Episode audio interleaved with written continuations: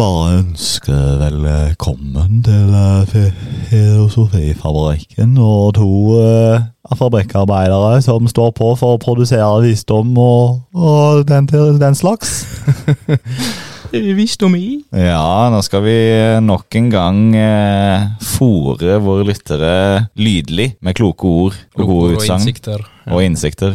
Mm. Ikke utsikter. Den utsikten vi har her fra studio, det er bare rett inn i en murvegg. Det er ikke så mye å skryte av. Murvegg og grå dag og ja. Ja, men det er litt deilig at det er, det er en grå julidag på tampen av juli. Mm. Det er litt deilig at det er litt sånn ikke så veldig varmt.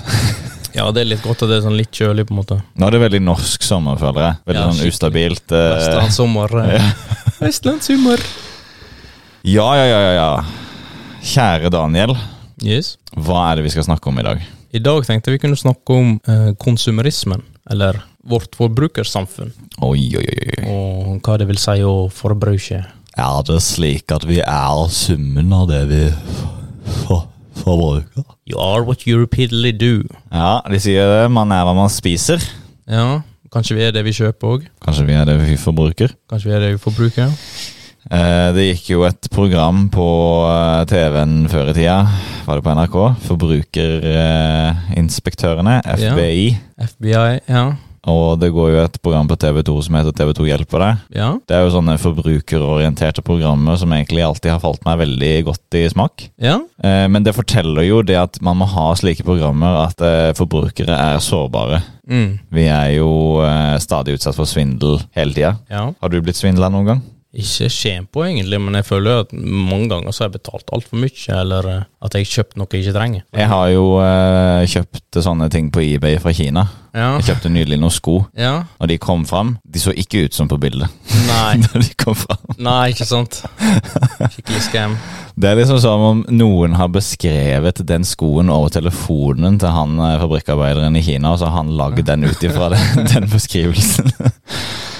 Ja. Men når vi skal snakke om våre forbrukerinstitusjoner og konsumentinstitusjoner, så må vi legge, kartlegge landskapet litt her.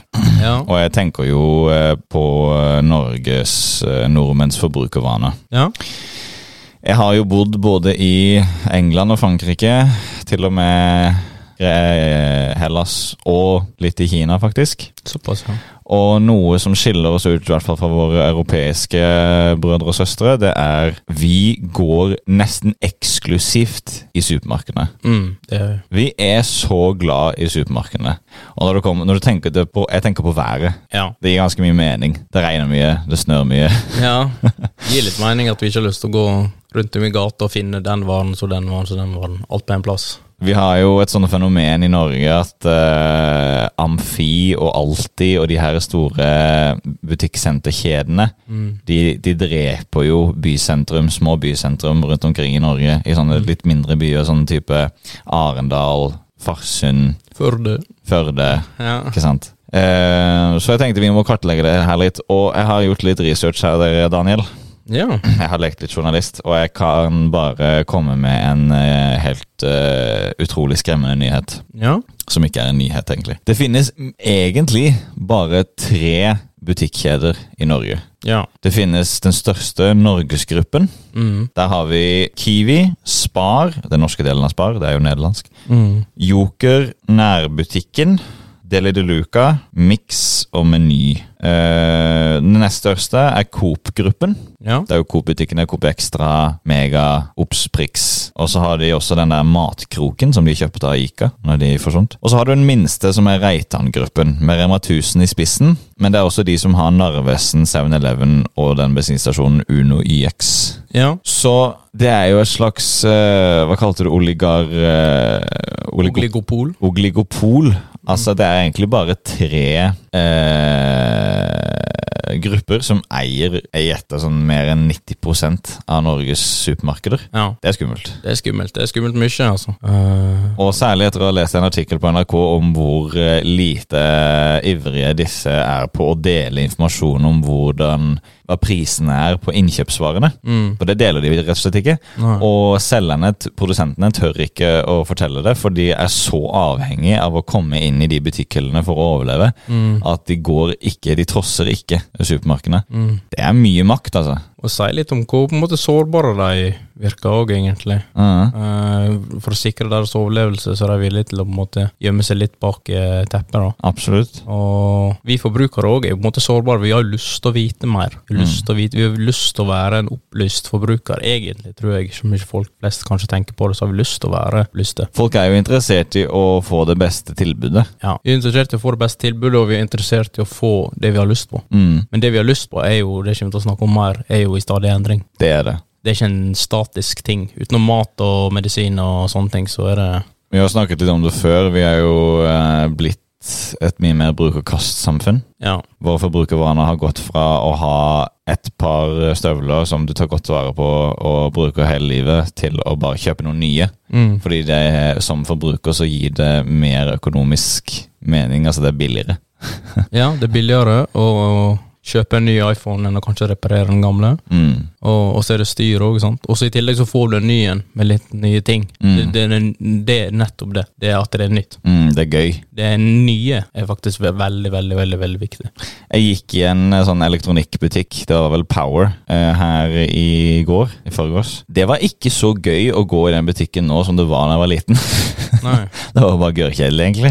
Det var masse dingser som koster altfor mye, som jeg egentlig ikke har bruk for. Ja. Men så jeg husker Før så gikk jeg til Elkjøp bare for gøy, bare for å se. ja, det var nesten som å gå til butikk og ting du ikke før Ja. fikk ha. Det var sånn Oi, se på den TV-en. Oi, se på Ja, det kjøleskapet. Oi, se på alle de funksjonene. Akkurat. Ja. Så det er litt sånn, jeg vil bare nevne det, det, det er jo ikke strengt tatt filosofi, men det er litt det landskapet vi er i nå, når vi skal gjøre oss disse betraktningene. Det er, eh, ikke sant, altså tenk på hvor eh, mye butikkhyllene har å si. De varene som er i butikkhyllene, Mm. de setter jo grenser for hva vi spiser, hvilke måltider vi kan lage, hvordan vi eh, velger å imponere vår familie og venner når vi skal diske opp et eh, råflott måltid, ikke sant? Mm. Det er eh, ganske definerende for våre liv. Ja, det er det. Det, det er liksom litt altoppslukende, og det, det går av overalt. Det har en ganske stor påvirkning på vår verden, på en måte. Men fortell meg nå, hvor er det du vil lede oss eh, når vi skal starte denne filosofiske diskusjonen om eh, forbrukerinstitusjonene våre? Diskusjon. Eh, men jeg tenker vi kan begynne med, eller fortsette faktisk på en måte, med det du snakker om dette der med bruk og kast. Mm. Og dette der med å bruke opp, eller å bruke. Mhm. Det heter jo på norsk, heter jo, vi sa jo konsumerisme, sant? men det er jo et åpenbart lånord. Mer vanlig i mediene å snakke om forbrukere, forbrukersamfunnet og det å forbruke. Ja, forbruke det er, et helnorsk, det er en helnorsk glose. Ja, det er en norsk er, glose. jeg kan høre ja, vi elsker det når vi sier det. Ja, vi elsker å Mens konsum, det er jo Er ikke det latin? Ja, det, det stammer jo fra uh, latinske consume. Okay. Uh, jeg vet ikke om jeg uttaler det riktig, men jeg er sikkert. Consume. Consume. Og det betydde å, å, å, å bruke opp. Altså Å bruke bruke opp og begrense til ting som en bokstavelig talt brukte opp. Ja, okay. Som mat, eh, stearinlys Ja. og treverk og sånne ting. Sant? Apropos eh, stearinlys. Har du hørt om bordell-stearinlys? Eh, Ja, jeg har hørt om Hørte om det for noen minutter siden jeg fortalte det før innspilling. Men det, det var da jeg hørte om det. Vi har ikke vært der. da. Ja. Det er sånne små stearinlys som eh, kunden på et bordell tente etter at han eh, var tent, holdt jeg på å si. Etter at, Oi, oi, oi. etter at han eh, hadde betalt eh, For å ha det moro, kan Ja, si. etter han hadde betalt. Ja, Og eh, det brant i nøyaktig syv minutter. ja okay. Syv minutter med moro, og når det, var, når det gikk ut, så var, så var moroa over. Det var en timer, på en måte. Ja, Tenk det presset, da. Prestasjonspress. Prestasjonspress, ja. Det er jo ikke rart at eh, altså, Man klager jo på at menn ikke holder ut eh, så veldig lenge, men hallo, jeg har jo tydeligvis våre forfedre har jo blitt trent til sju minutter. sju minutter, ja. Seven minutes in heaven. Oi! Kanskje det er det det kommer fra? Ja, det kan hende. Kanskje det. er Det har jeg ikke tenkt på. Nei, men altså, det er jo òg noe som en Det òg kan være et slags for, forbruker. Det òg å, å forbruke. Mm. Å bruke opp. Bokstavelig talt. For du bruker jo opp eh, på en måte det en ville gjort der inne. da Mm. Og det blir jo som en vare, da, på en måte. Tenker jeg, altså Du bruker det som en vare. I Ja. sju minutter, eller uh, what have you. Så det er òg en form for forbruker. Men det vi normalt tenker på, er jo varer generelt sett. Det å kjøpe klær, kjøpe mat, kjøpe ting. Men konsumerismen går jo lenger enn det. Det går jo til generelt sett Det trenger ikke være en vare, sånn måten vi tenker på vare. Nei. Vi konsumerer jo ting på nett òg. Mm. Sant? Mm. mm. I moderne så har vi kanskje pornografi og den slags ting, men òg Og så bare TV. TV, se på Netflix, ikke sant? Altså nyhetene. Nyhetene. Det er òg en form for eh, konsumis... Konsum. Det er en form for forbruk, Ja. kan vi si på godt norsk. Det er et veldig interessant forbruk, synes jeg, for det er mye nyheter nå er eh, jo blitt sånne ting som eh, er veldig dramatiske og og stressende, men du kan ikke gjøre noe med det. Det er helt sånn irrelevant for ditt mm, personlige liv. Mm. Tenk litt sånn stoisk om det da. Du skal bare forholde deg til å tenke på de tingene du faktisk kan gjøre noe med. Mm. Du skal ikke stresse over de tingene du ikke kan gjøre noe med. Mm. Hvis du tar den holdninga til nyhetene, så kan du bare skru av nyhetene med en gang. det, Ja. det er jo det er liksom bare sånn internasjonal katastrofe. og Bare what? ja, ikke sant? Så vi, vi tar jo det inn, det òg, og, og bearbeider det. Mm. Så, men altså fra omtrent etter, etter krigstida, eller vi kan egentlig si 1950-tallet Mm. framover, så har det vært en sånn det de kaller en forbrukerrevolusjon. da. Oh yes. Eh, I uh, moten fra 50-tallet, etterkrigstida, etter krigstida, så kom jo uh, polyester inn. Ja. Polyester som eh, stoff. Sånne syntetiske stoffer. Ikke bare kom det inn, det kom inn med liksom glans. Det var liksom tøft, eller ikke tøft, men det var fint ja. å gå med polyester. Mens før det så var det jo bare naturlige stoffer. Bomull, ull, lin, Mm. sateng. Eh, personlig så har jo jeg gjort et lite opprør i mine forbrukervaner mot sånne syntetiske stoffer. ja. De lukter vondt. Lukter vondt, ja. ja. Så da er det på en måte en personlig slagsak der. Altså, på en viss, altså Det er jo et gammelt ord. På en viss måte så har vi alltid konsumert. Mm. På en eller annen måte. Og det vil vi fortsette å gjøre i framtida, men eh, poenget er at måten vi konsumerer på nå, etter den eh, forbrukerrevolusjonen, eh, måten vi forbruker på, er annerledes Mm. enn den var tidligere. Mm. Og noe av den måten den er annerledes på, utom det åpenbare faktum at vi blir konstant bombardert med reklame og bilder og alt sånt, Mm. det er jo at vi ønsker det nye i mye større grad. Mm. Mm. Og vi ønsker, og det er mye raskere eh, Det er egentlig to faktorer som er sentrale. Den ene er å ønske det nye, eller behovet, begjæret etter det nye. Og det andre er eh, sosial mimikk, eller sosial etterligning. Ja. Det at vi ønsker å etterligne, liksom. Hver og du ser at han hadde gode, kule sko, jeg vil ha lignende sånn. ja. Det, det er der mote og trendene kommer inn. Ikke sant. Og de går mye raskere og er mye mer av nå enn det var før. Det er en uh, psykolog, psykologisk teori om akkurat det der, når det kommer til liksom, lykke gjennom konsum. Det, hvor det, er veldig, det er veldig vanlig å sånn felle. Man ser en uh, fyr uh, kjøre en flott bil, ikke sant? råflott sportsbil, og så tenker man åh, hvis bare jeg hadde hatt den bilen, Mm. så hadde livet mitt vært komplett. Ja, hvis jeg hadde Ja. Men man tenker aldri, aldri og livet hans er komplett fordi han har den bilen. Nei. Man tenker hvis jeg hadde hatt den bilen, så hadde livet mitt vært komplett. Ja. Og det er jo selvfølgelig ikke tilfellet. Nei. Får du den bilen, og så viser det seg ok, det er ikke så komplett. Nei, det er nok ikke det. Så, ikke så fullstendig. så det er jo han en som heter eh, William Leach, eh, skrev i boka si i Land of Desire 1993 at eh, de sentrale trekkene i denne utviklinga var oppkjøp og forbruk som middel til å oppnå lykke. Altså det nye og demokratiseringa av pengenes verdi og kjøpekraft. Mm. Og det leder jo inn mot litt litt eh, med USA, dette der og middel til å oppnå lykke, men òg det aspektet som ble kalt, eller konseptet som ble kalt window shopping. Mm. Sant? Dette der at vi vandrer rundt i eh, Han sier jo demokratiseringa. Mm. At vinduer på en måte har demokratisert eh, forbrukerne.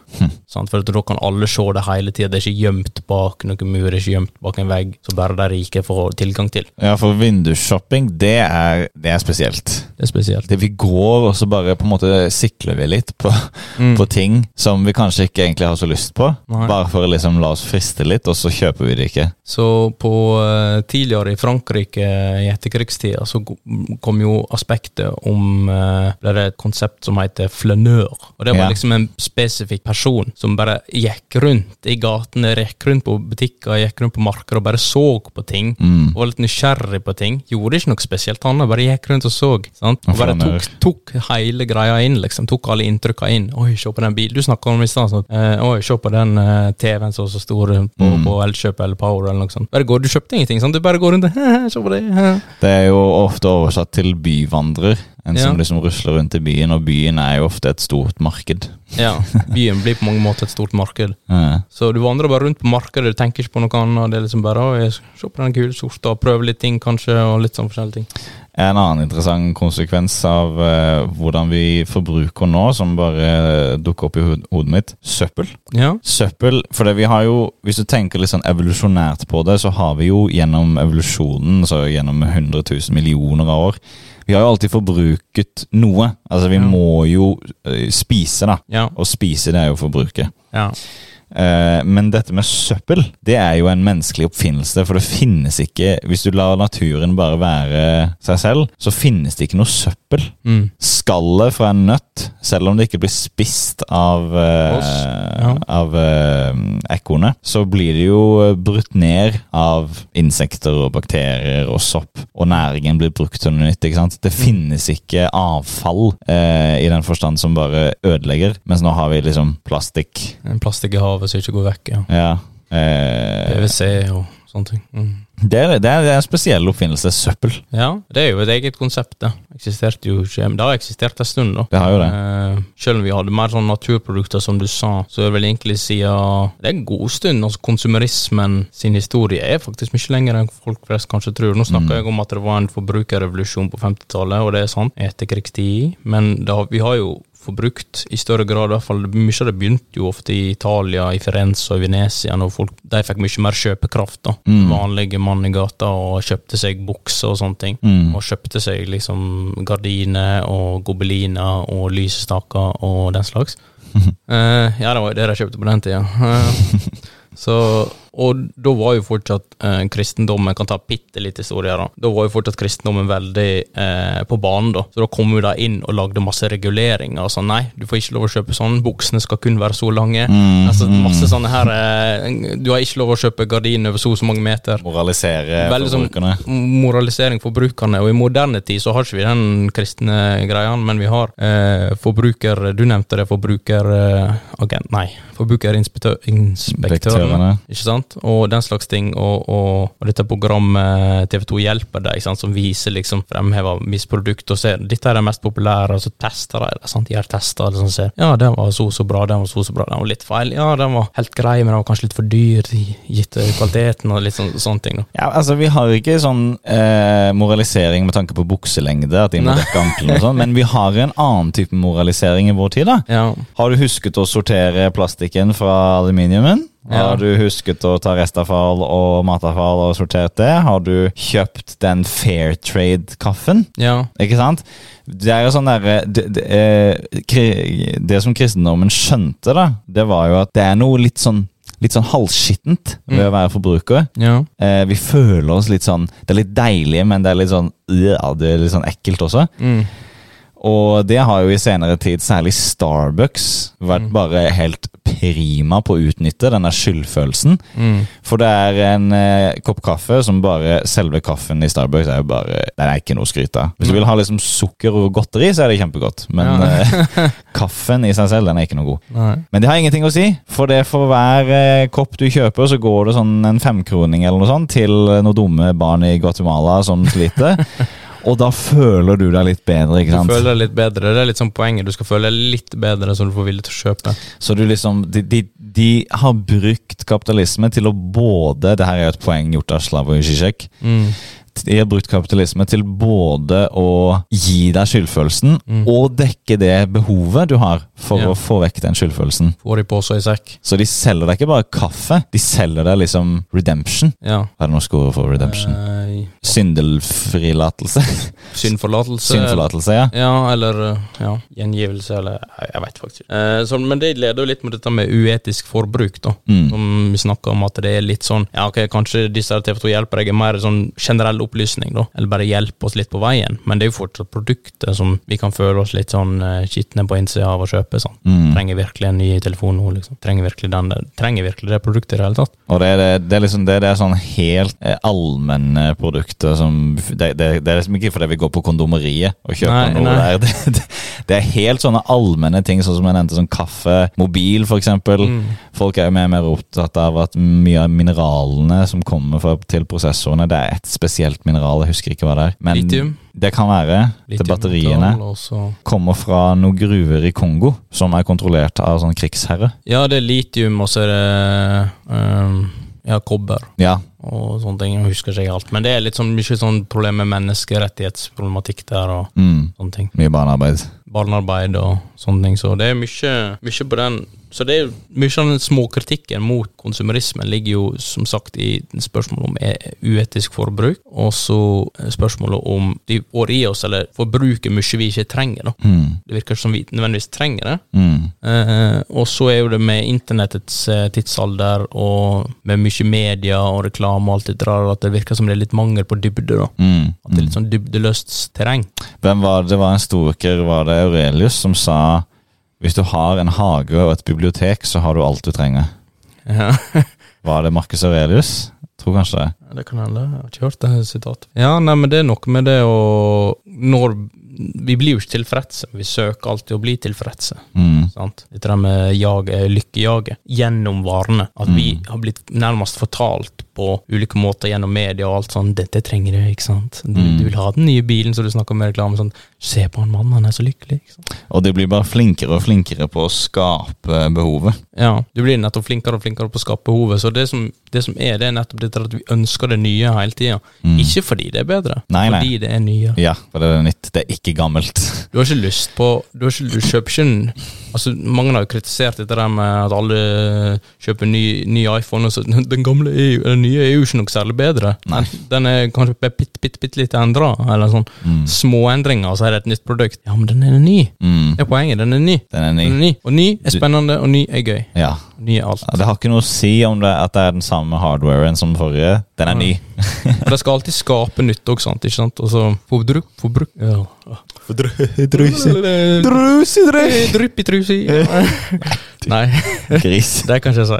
Du kan ikke prate sånn. jeg kan ikke si sånn som det. Eh, nei eh, Produkter, var det jeg skulle si. Mm. Har jo blitt, mange har jo blitt lagd for å ikke vare så lenge. Fått kortere Mm. levetid. Nettopp Mm. av at da kan du kjøpe nye hele tida. Mm. Så det er liksom dette systemet vi på en måte er i. Produkter sånn som ja, klær selvfølgelig, men òg telefoner og, og Vi kjente den her eh, lyspærene. Sånn, det var sånn lyspærekabal egentlig rundt omkring i verden, der mange Ja. bygde De varte mye lenger før. Og så nå har de liksom skrudd den ned, sånn at du må kjøpe nye hele tida. Det er en lyspære Jeg tror det er på en brannstasjon et sted i New Jersey. Som har levd har vært påslått, kontinuerlig påslått i sånn 200 år. Ja, sant? Den er gikk fra seg veldig mye lys, da. Den er ikke, sånn, den er ikke sånn kjempebra, men uh, Dimma seg litt etter da. det, ja, den er bare et bevis på at uh, det er ikke alt nytt som er bedre. Nei, det er ikke det. Og det er jo den gode gamle kritikken. Alt var mye bedre før, ikke sant. Men eh, Ja, det er det, altså. Fy søren. Men, Men- eh, Det er ikke nødvendigvis blitt så mye bedre, men eh, på mange områder, enkeltområder, har det faktisk blitt verre. Men poenget er jo det at det, det er ikke bygd for å være bedre. Det er bygd for å, at vi skal, vil ha det mer. mm, At det har funksjoner som vi ønsker, at det er nye, spennende funksjoner på iPhone eller lignende. Eh, og at eh, vi skal kjøpe nye oftere. Skal kjøpe mer. vi, de, de, de sikter seg inn på akilleshælen vår i, vår, i det vi ønsker oss, våre lyster. Mm. Jeg har en svakhet for eh, Doritos eh, sweet chili. eh, når jeg har spist Den er så god at jeg klarer ikke la være å spise nesten hele pakken om dagen. Det går maks sånn tre dager, så spiser jeg opp hele. Og jeg føler meg altså så elendig etter å ha spist det, for det er jo bare E-stoffer. Og- Ja, ja, ja, det er helt grusomt. Altså, bare noe vanlig potetgull. Føler, ikke på, du føler deg fremdeles ille av det, men ikke på Ja. langt nær så ille som de der Doritosene. Altså, de amerikanerne har søren meg klart å skape noe ordentlig deilig gift. Men eh, jeg klarer Altså, det er så Når jeg går i butikken Mengden viljestyrke jeg må tilkalle for å kunne bare gå forbi uten å plukke med meg en pose, selv om jeg vet hvor dårlig jeg kommer til å føle etter å ha spist den, det er, det er helt utrolig. Ja, nettopp. Og så er det bygd sånn opp at det skal være siste, så er det godterihylla rett til kassa. sånn. Ja, ja. Så the system is rigged against you. Ja, fy søren, ass. The game is rigged. Så det var jo noe han der eh, franske filosofen eh, Jean Poutelier Potier! eh, Må som snakke inn i mikrofonen, Daniel. kan jeg? Ja, ok. Som uh, utforsker forbrukersamfunnet og eh, på en måte dens innvirkning på en måte vår identitet og kulturen. Og han har jo det aspektet med simulacra and simulation, altså at det, eh, det førte til, konsumerisme førte til en slags simulering og Mm. tap av virkelighet. på en måte. Ja, ja. Eh, og han har jo òg den boka The Consumer Society, der han diskuterer på en måte Ja, egentlig dette systemet vi er bygd i, at det er liksom a system of objects. Sant? At Mm. uh, Med bilde, tekst, video, emojis, alt mulig sånne ting. Selv om dette er lenge siden, da, egentlig 1980-tallet, så er det likevel Det var mye media på den tida òg, medielandskapet var òg ganske stort til og med på den tida. Mm. Selv om vi tenker veldig mye på media, så tenker vi ofte på internett og sosiale medier og sånne ting i dag, så var det ganske dominerende for hvordan de så på verden. For de så på verden veldig mye gjennom reklameproduktet. Mm. TV-en. Ja, TV-en og Noam og- Chomsky har jo kalt TV-en en slags uh, hjernevaskmaskin. Eh, han peker ut Det er en enorm tillit man utøver når man setter TV-en front and center i stua. At det er liksom den som er hovedtingen i stua, og vi skal alle glane på hva enn noen andre velger å Mm. sette på den skjermen. Ja, og alle møblene er retta mot den TV-en. sånn. Mm. Så Før TV-en så var det jo faktisk radioen som var eh, Alle møblene var retta mot radioen. Så satt man og hørte på radioen. ja, det var jo en form for eh, simulering. Form for Mm. simulert virkelighet. sant? I dag har vi på en måte vi snakker med folk, så har vi emojis istedenfor. Vi kan ikke se liksom ansiktet. sant? Det er òg en Mm. form for simulert virkelighet. Eh, og så har du han eh, en annen filosof og sosiolog, eh, Guy Debord. Jeg vet ikke hvordan jeg uttaler det egentlig, men eh, Guy de Guy Debord eh, som snakka om, og om forbrukersamfunnet, han argumenterte for at konsumerisme førte til et spetakkel. der menneskets Altså ens opplevelser blir erstatta med, med bilder og simuleringer. Da. Han har jo det kjente boka 'Society of the Spectacle'. Ja. Den har snakka om på måte, simulering og representasjon som, som er falsk. Som er laga for å nytes, og, og at en blir redusert til en forbruker og ikke bare et menneske. Sant? A blip on the screen. Ha. Det høres ut som en fremmedgjøring for vår tid. Å bli forbruker, ikke menneske. Ja, både han og eh, John Bulliard argumenterer for at det er en form for fremmedgjøring. Mm. Så eh, det er egentlig Vi er på en måte fremmedgjort på den måten at vi er eh, redusert. Vi snakka jo om det tidligere, når vi var redusert til bare et tall, eller nå er vi redusert til en vare. Mm. Så det har gått mye lenger. Ja, for uh, det var jo noen som forsto, jeg tenker på Google og Facebook, at uh, det å forbruke er jo et stykke arbeid. Ja, Og det har de søren meg klart å utvinne mye profitt av. ja det er mye profitt, for nå, nå blir jo informasjon samla opp samler seg opp om, oss hele tida. Mm. Sånn, konstant oppsamling. Til og med når vi ikke engang er på telefonen. Big data, Big data, big brother. stordata, og eh, grunnen til at Google Maps er så bra, det er ikke fordi at det er en kjempebra produkt i seg selv, det er fordi at mange bruker det. Ja. Veldig mange bruker det, og det er sånn de klarer å fortelle deg at her er det kø, fordi det bare sporer folk, og så ser de ok, her går det på 20 telefoner veldig sakte i trafikken her, sånn. Mm. Da er det nok kø. Så antar de at det er kø der. Og jeg merker jo det veldig sånn når jeg sitter på YouTube, for eksempel, at algoritmen er retta veldig mot meg. Oh yes. Ser et par videoer med en spesifikk ting eller en spesifikk YouTuber, eller et eller annet, så får jeg levert 100 tilbake. Det er din personlige YouTube. Det blir veldig personlig. Jeg likte det mye bedre sånn som det var før. For ja, jeg inter var interessert i å høre på han fyren snakke, eller den YouTube-kanalen, eller noe sånt, eller den tematikken da som den tar opp. sant? Uh, men jeg trenger ikke å få 100 levert tilbake. Nei. Fordi at uh, nå har jeg hørt om det, nå vil jeg se på noe annet. Ja. Nå vil jeg se på noe nytt. Så akkurat der er, men det- er konstant nytt da òg, men det blir òg veldig den der eh, confirmation bias, for du blir liksom mata med det samme og samme. Eller epistemiske murer, er vel kanskje bedre å si. Den gjør jo den uh, antagelsen at det du har likt i fortida, kommer du også til å like i framtida. Ja, det gjør den antakelsen, Mm. og problemet er jo at eh, når jeg får det hele tida, så Ok, nå er jeg egentlig litt lei av å høre på dette her, nå vil jeg ha noe nytt. Jeg vil ha litt om det og litt om det, og da må jeg aktivt gå inn og søke opp eh, de youtuberne eller den tematikken jeg har lyst til å se litt på eller høre litt om, Mm. for å få litt sånn mer tilbake. Da. Så du må jo mate den sjøl nesten av og til. Tvangsfòre den nærmest, den algoritmen. Mm. Så det er jo tilfeller på en større skala òg, hva folk flest er, eh, er på en måte Å ja, dette er populært, derfor kjører vi mer på det. Derfor mater vi det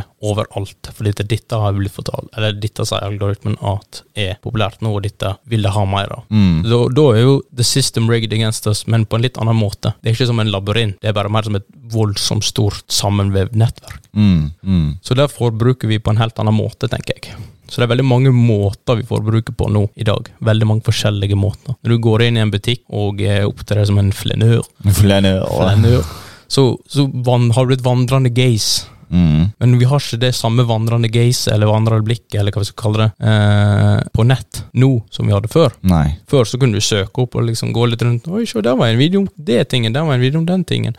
Nå liksom, jeg får jeg bare samme greia hele tida. Ja, ja, nå bare blir det levert til deg. Same old story. Ja, det blir liksom levert på, på døra eller rett i sinnet, og det blir veldig sånn simulert, for at du får bare den delen av virkeligheten som du ønsker å se akkurat der og da. Det er gjort veldig enkelt for deg å forbruke. Ja. Mm. Det er litt farlig, for det, det er den gode, gamle, klassiske visdom i at vi vet ikke helt hva vi vil ha.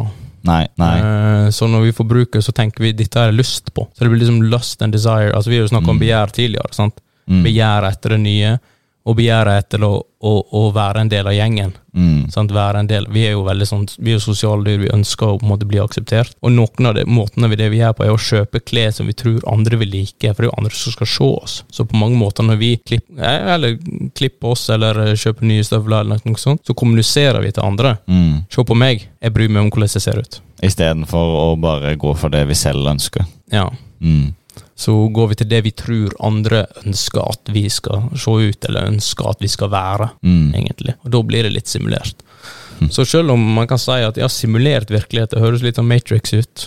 På mange måter er det faktisk det. Ja, det jo det. Eh, med han eh, Baudrillard, han skrev det på 80-tallet, så Ja. før internett. sant? Og Consumer Society skrev han vel på 70-tallet, så det er jo, en, det er jo begynner å bli det et par år siden. Ja. Men nå har vi jo snakket mye om det liksom fra forbrukersiden. Ja, Hva med den andre siden? Hva med de som jobber med å fylle butikkhyllene? Har du øh, jobba i noe sånt? jeg har jobba litt butikk, jobba litt på Nille for mange år siden. Nille?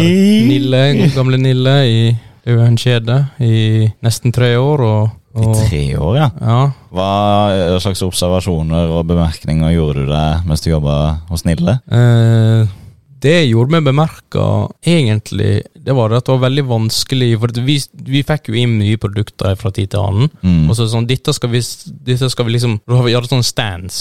Sant? Sånne her eh, bord som sto alene. Sant? Ja. Vi skal legge nye produkter på. Ja, så det kan se litt sånn flott ut. Frem, ja, så pynte det litt, legge det liksom fram med litt duk og litt sånn. Liksom, så fint kan du ha det hjemme hos deg, ikke sant? Ja, du skal liksom simulere. ja, ja. Yes. Ser du? Nettopp der. Den er everywhere, den der. Eh, så, og da, og da når, la, når vi la det fram, så var det sånn Det skal se fint ut, og, og det er noe av det første du skal se. Den stand skal, den skal stå for seg sjøl. Altså, det er jo masse hyller i en butikk, men det var ikke en hylle, det var liksom en, et bord som sto for seg sjøl. Mm. Det skal være helt fram med inngangen, sånn først du møter liksom, Det er mulig å ikke se det. Mm. Det er jo poenget. Jeg merker det veldig ofte, sjokkerende ofte, så gikk bare folk rett forbi. Mm. For at de skulle jo ha De kom inn på Nille for de, de hadde sett på nett eller noe sånt. Å ja, Nille har den lysestaken. sant? Nille har eh, Mm. den garnnøstet. De visste hva de skulle ha. Så de går inn for å ha det. Så de går rett forbi det. Men det var kun Ble du lei deg da når de gikk forbi det fine bordet du har satt opp? It's not my money. Nei, så greia var at ofte når de kom tilbake igjen, når de hadde gått runda si, som de hadde tenkt, for de skulle gå inn på Nille for å se, de skulle ha spesifikke ting, Ja. når de kom tilbake og nærma seg kassa, for de var vel litt nær kassa òg, det var jo veldig sånn smart eh, strategisk punkt. De var liksom. Nærma seg kassa, så begynte de å legge merke til den. Ja. Å ja, tilbud. Å ja, det var noe nytt, ikke sant? Da var det noe nytt. Gikk de forbi den flotte der, og så så de bare Å, for noe Ja. utrolig fine produkter. Da ble det en helt annen verden. Ja, La meg få bruke litt mer. Ja, da er det sånn Kanskje trenger det, og da er det litt sånn kanskje, kanskje ikke, kanskje, kanskje ikke hjørne. Mm. Eh, og så sier vi altså hvis du kjøper den, så får du òg den på kjøpet. Da tar jeg Da tar han. Da tar jeg. Det var, det var rett på vippepinnen, og så Ja, ja. vi jo vi, mersalg, vet du. Mersalg, mersalg. Ja. Sånn, Så vi måtte jo, fikk jo beskjed om at vi skal eh, drive med mersalg og sånn. Ah, du, det tilbudet her, det gjør deg oppmerksom på det. Sant? Når de står i kassa, når de allerede står med lommeboka framme. Mm. Kan like at altså, Det er jo bare en tapp uansett. Ikke sant? Ja, ja. Et par kroner ekstra. Ikke sant? Så det er jo mye lureri. Det er Manipulasjon. også en ting Det at vi har gått fra å bruke kontanter til kort, det viser seg jo at eh, folk er mer forsiktige med pengene sine når de bruker kontanter, for da føler man Mm. pengene forsvinne. Mens Ja. med kort, særlig når det er så enkelt som å bare tappe, Mm. så eh, er vi mye mer villige til å bruke penger, for det føles ikke som om vi mister noe. Ja, jeg mener at den tappingen er en liten sånn minirevolusjon i seg sjøl, egentlig. Det er jo det. For dette, det er noe, men Nå er det lenge siden vi hadde penger, og kun penger. Men, det er noe med å ha pengene, det føles litt som mer, og det føles ja. fysisk taktilt. Sant? Du Ja. tar på dem og knar på dem. Og Du sånn. må telle myntene. Til å få fram sparegrisen. Ja, knuse sparegrisen. Tok med hammer og sparegris på butikken. Det jo at ting har blitt mindre og mindre taktilt. Altså at, Ja. vi, at vi ikke bruker hendene våre mer. Mindre fysisk og mer og mer eh, digitalt og eh, diffust, abstrakt. Mm. Det er jo noe som gjør ting stadig vanskeligere å begripe. Ja, nettopp. Det blir lenger vekk fra oss, mer distanse. Ja, Mm. ja. Og vi har på en måte Og det er jo et triks at det skal være med mindre nærhet, for da føles vi jo Da knytter vi oss ikke så sterkt opp til det Mm. lenger. Sant? Det er lenger unna, og derfor Ja, ok, ja, men det var jo bare 500 kroner. Sant? Mm. 500 kroner her, 500 kroner der, så blir det litt. Så da har du plutselig så får du sånn sånn som Luksusfellen. Sant? Altså De går og møter, og så har de brukt mye penger, mye mer penger enn det de har. Sant? Ja, Og det ja, aspektet med kredittkort, sant? ja. som er største svindelen noensinne. Det er spesielt. Det er veldig spesielt. Det er en dårlig oppfinnelse, altså. Men det er jo eh, Det her, her skal jo være våre eh, forbrukerinstitusjoners fremtid. Nå har vi liksom snakket litt historisk, og så litt i nåtid. Ja. Men hva, hvor leder vi dette hen? Jeg kan jo, jeg har lyst til å si det først, at økonomisk, den, den økonomiske tankegangen, den har jo eh, blitt revolusjonert eh, flere ganger. Mm. Vi fikk jo IT-økonomi, og nå har vi gått over i nettverksøkonomi. ja. De sier jo det på angliansk Community is the new labor. Ja. Samfunn er det nye arbeidet. Mm. Det du gjør nå, det er egentlig ikke å selge et produkt, sånn sett. Mm. Du skaper et samfunn, ofte på nett, hvor eh, dette samfunnet holder sammen, og de, det samfunnet bærer deg, da. ja, fellesskapsfølelsen. Fellesskapsfølelsen. Eh, bare tenk på liksom Jeg tenker på han der svensken Felix, eh, kjent som eh, PewDiePie på det store YouTube. Ja, han, ja. Han var jo verdens mest abonnerte eh, YouTuber på et tidspunkt. Ja. Altså, en eh, svenske som sitter i kjelleren sin og spiller noen skrekkspill og eh, ser veldig morsom ut fordi han blir jo skremt vettet av. Han klarte jo å samle et så enormt eh, fellesskap at han, han gjorde et sånt stunt. Han sa bare nå skal jeg laste opp en sånn, den videoen her, og den skal være helt sånn helt teit til ubrukelig, men den skal få mest views Ja, på kortest tid. Ja. Og han klarte det. ja nettopp, ja. Det var ikke han som klarte det, egentlig. Det var jo fellesskapet som klarte det. Det fellesskapet han eh, har i ryggen, ikke sant? Mm. Og det, det sier de er den nye økonomien, og det ser du også i eh, en eh, flott dokumentar jeg så om et selskap som heter WeWork. Har du Mm. hørt om det? Tror det? Har du hørt om Office as a Service? Kontor som en tjeneste? Ja. Det er sånne selskaper som dukker opp. De kjøper opp bygninger, og så lager de flotte, åpne kontorlandskap. Og så kan du som privatperson leie en pult der. Ja, såpass, ja. Og der sitter du med andre folk, og de jobber ikke med det du jobber med, men du sitter med andre folk, og så sosialiserer du litt, og så er det litt hyggelig, og så er det fint. Det er veldig eh, fint dekorert. Ja. WeWork var eh, pionerer innenfor det her. De kjøpte opp masse steder i eh, Nei, de kjøpte ikke opp engang, de bare leide masse steder i eh, kontorplasser i New York først. ja. Og det tok jo helt av i sånne amerikanske proporsjoner. Såpass, ja. Ja, ja, det ble en kjempeselskap, og selvfølgelig eh, easy come, easy go. The bigger they are, the harder they fall. Ja. Eh, det gikk jo dukken etter hvert, fordi han mista litt kursen, han som starta det.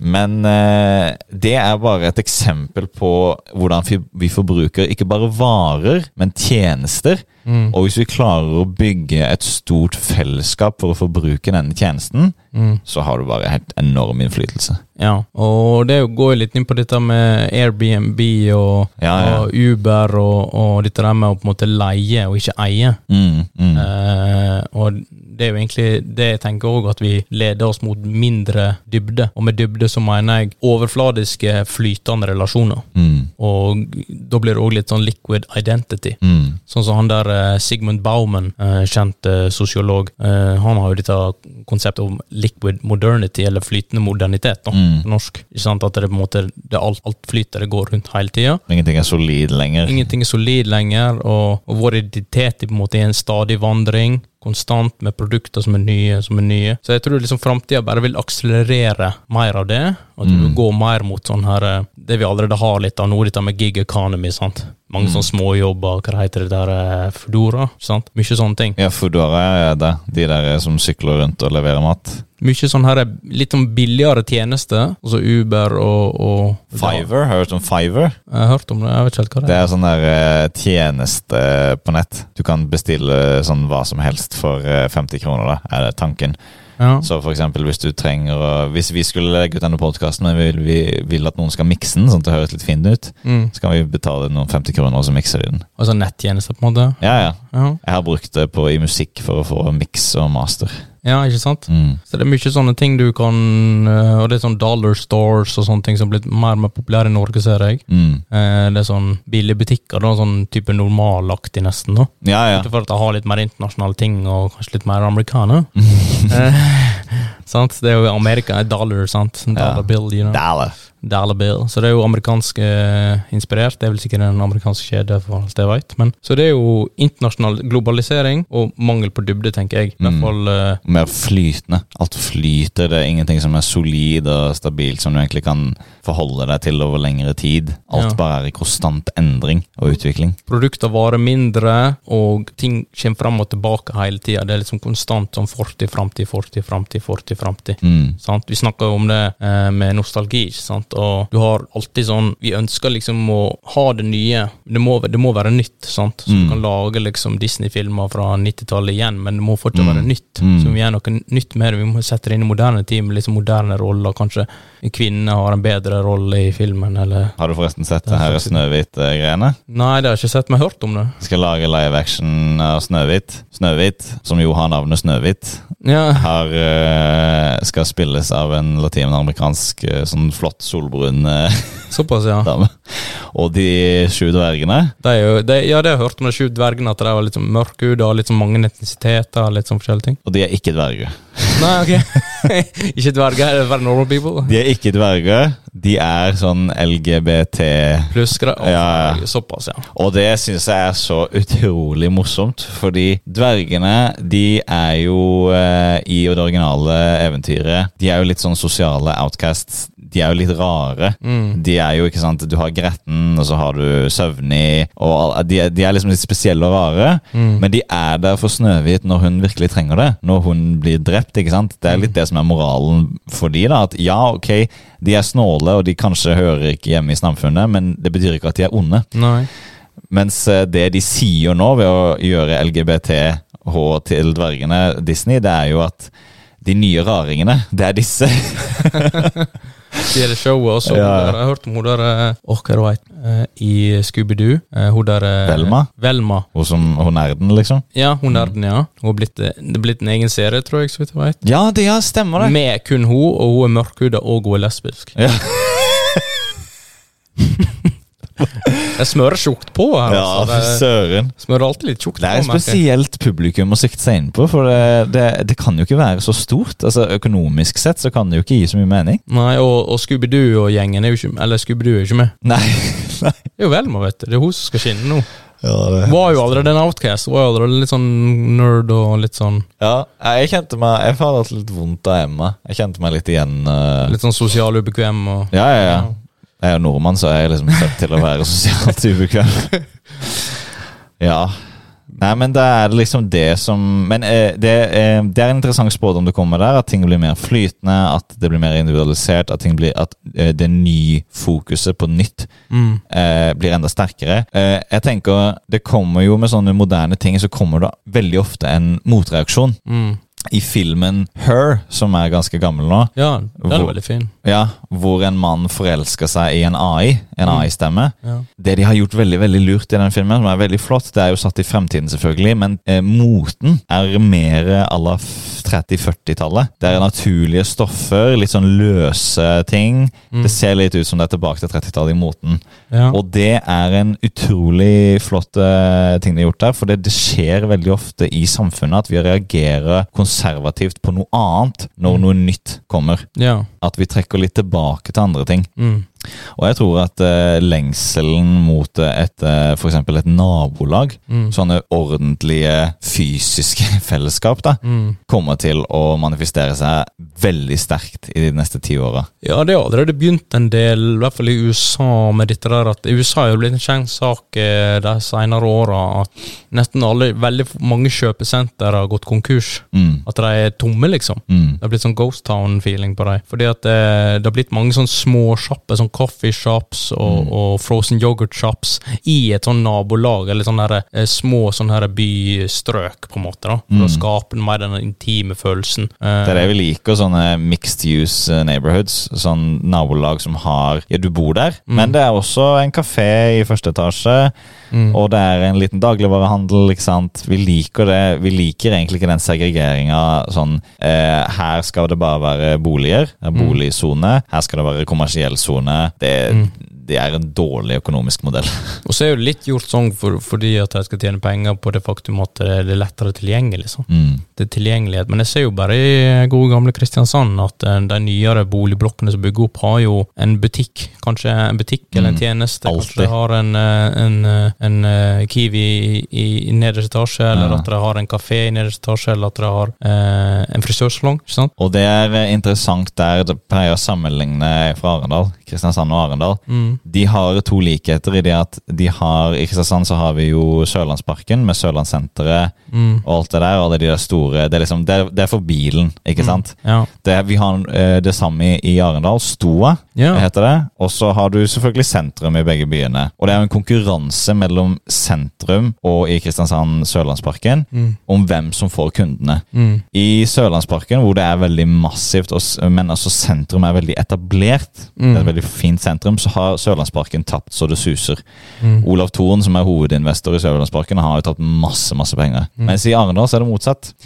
Stoa er litt mer tilgjengelig enn det Sørlandsparken er, og eh, sentrumet har ikke vært så etablert i Arendal at sentrum blør økonomisk eh, for at da da Stoa, hvor folk kjører med bilen sine og går på Biltema, så går de på Elkjøp, og så går de på Coop Ops, Mm. eh, tar kundene, da. Ja. Nei, så det har blitt litt sånn Det har blitt litt endringer i på en måte måten vi får bruke der òg, da. Mm, At eh, vi søker mer det intime og det nære og det kjære, mm, snarere enn at det blir litt fjernet. Det blir for mye. For det er litt sånn at de har bikka litt over kant, skutt litt over mål med Mm. dette der eh, kjøpesentrene. ble litt for store, det ble litt for voldsomt, det ble litt for mye inntrykk. Det ble litt for, det litt for hardt. Vi ble forbrukere først, og mennesker ah, er på annenplass, egentlig. Feil rekkefølge, men eh, sånn er det. Er det gullgås i Guro, eller?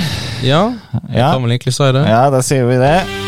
Tusen eh, hjertelig Ja, litt voldsomt høyt. Det Det var litt strøkk. Ja. Tusen takk for at du har lyttet på denne episoden om våre forbrukerinstitusjoner og dets framtid. Mitt navn er Pål. Jeg heter Daniel, sant? Heter du ikke sant? Heter ikke sant? Ok. Jeg skal dra opp passet ditt etterpå, skal vi verifisere. uh, ja. Takk for at du lyttet, og velkommen igjen. Yes. Fy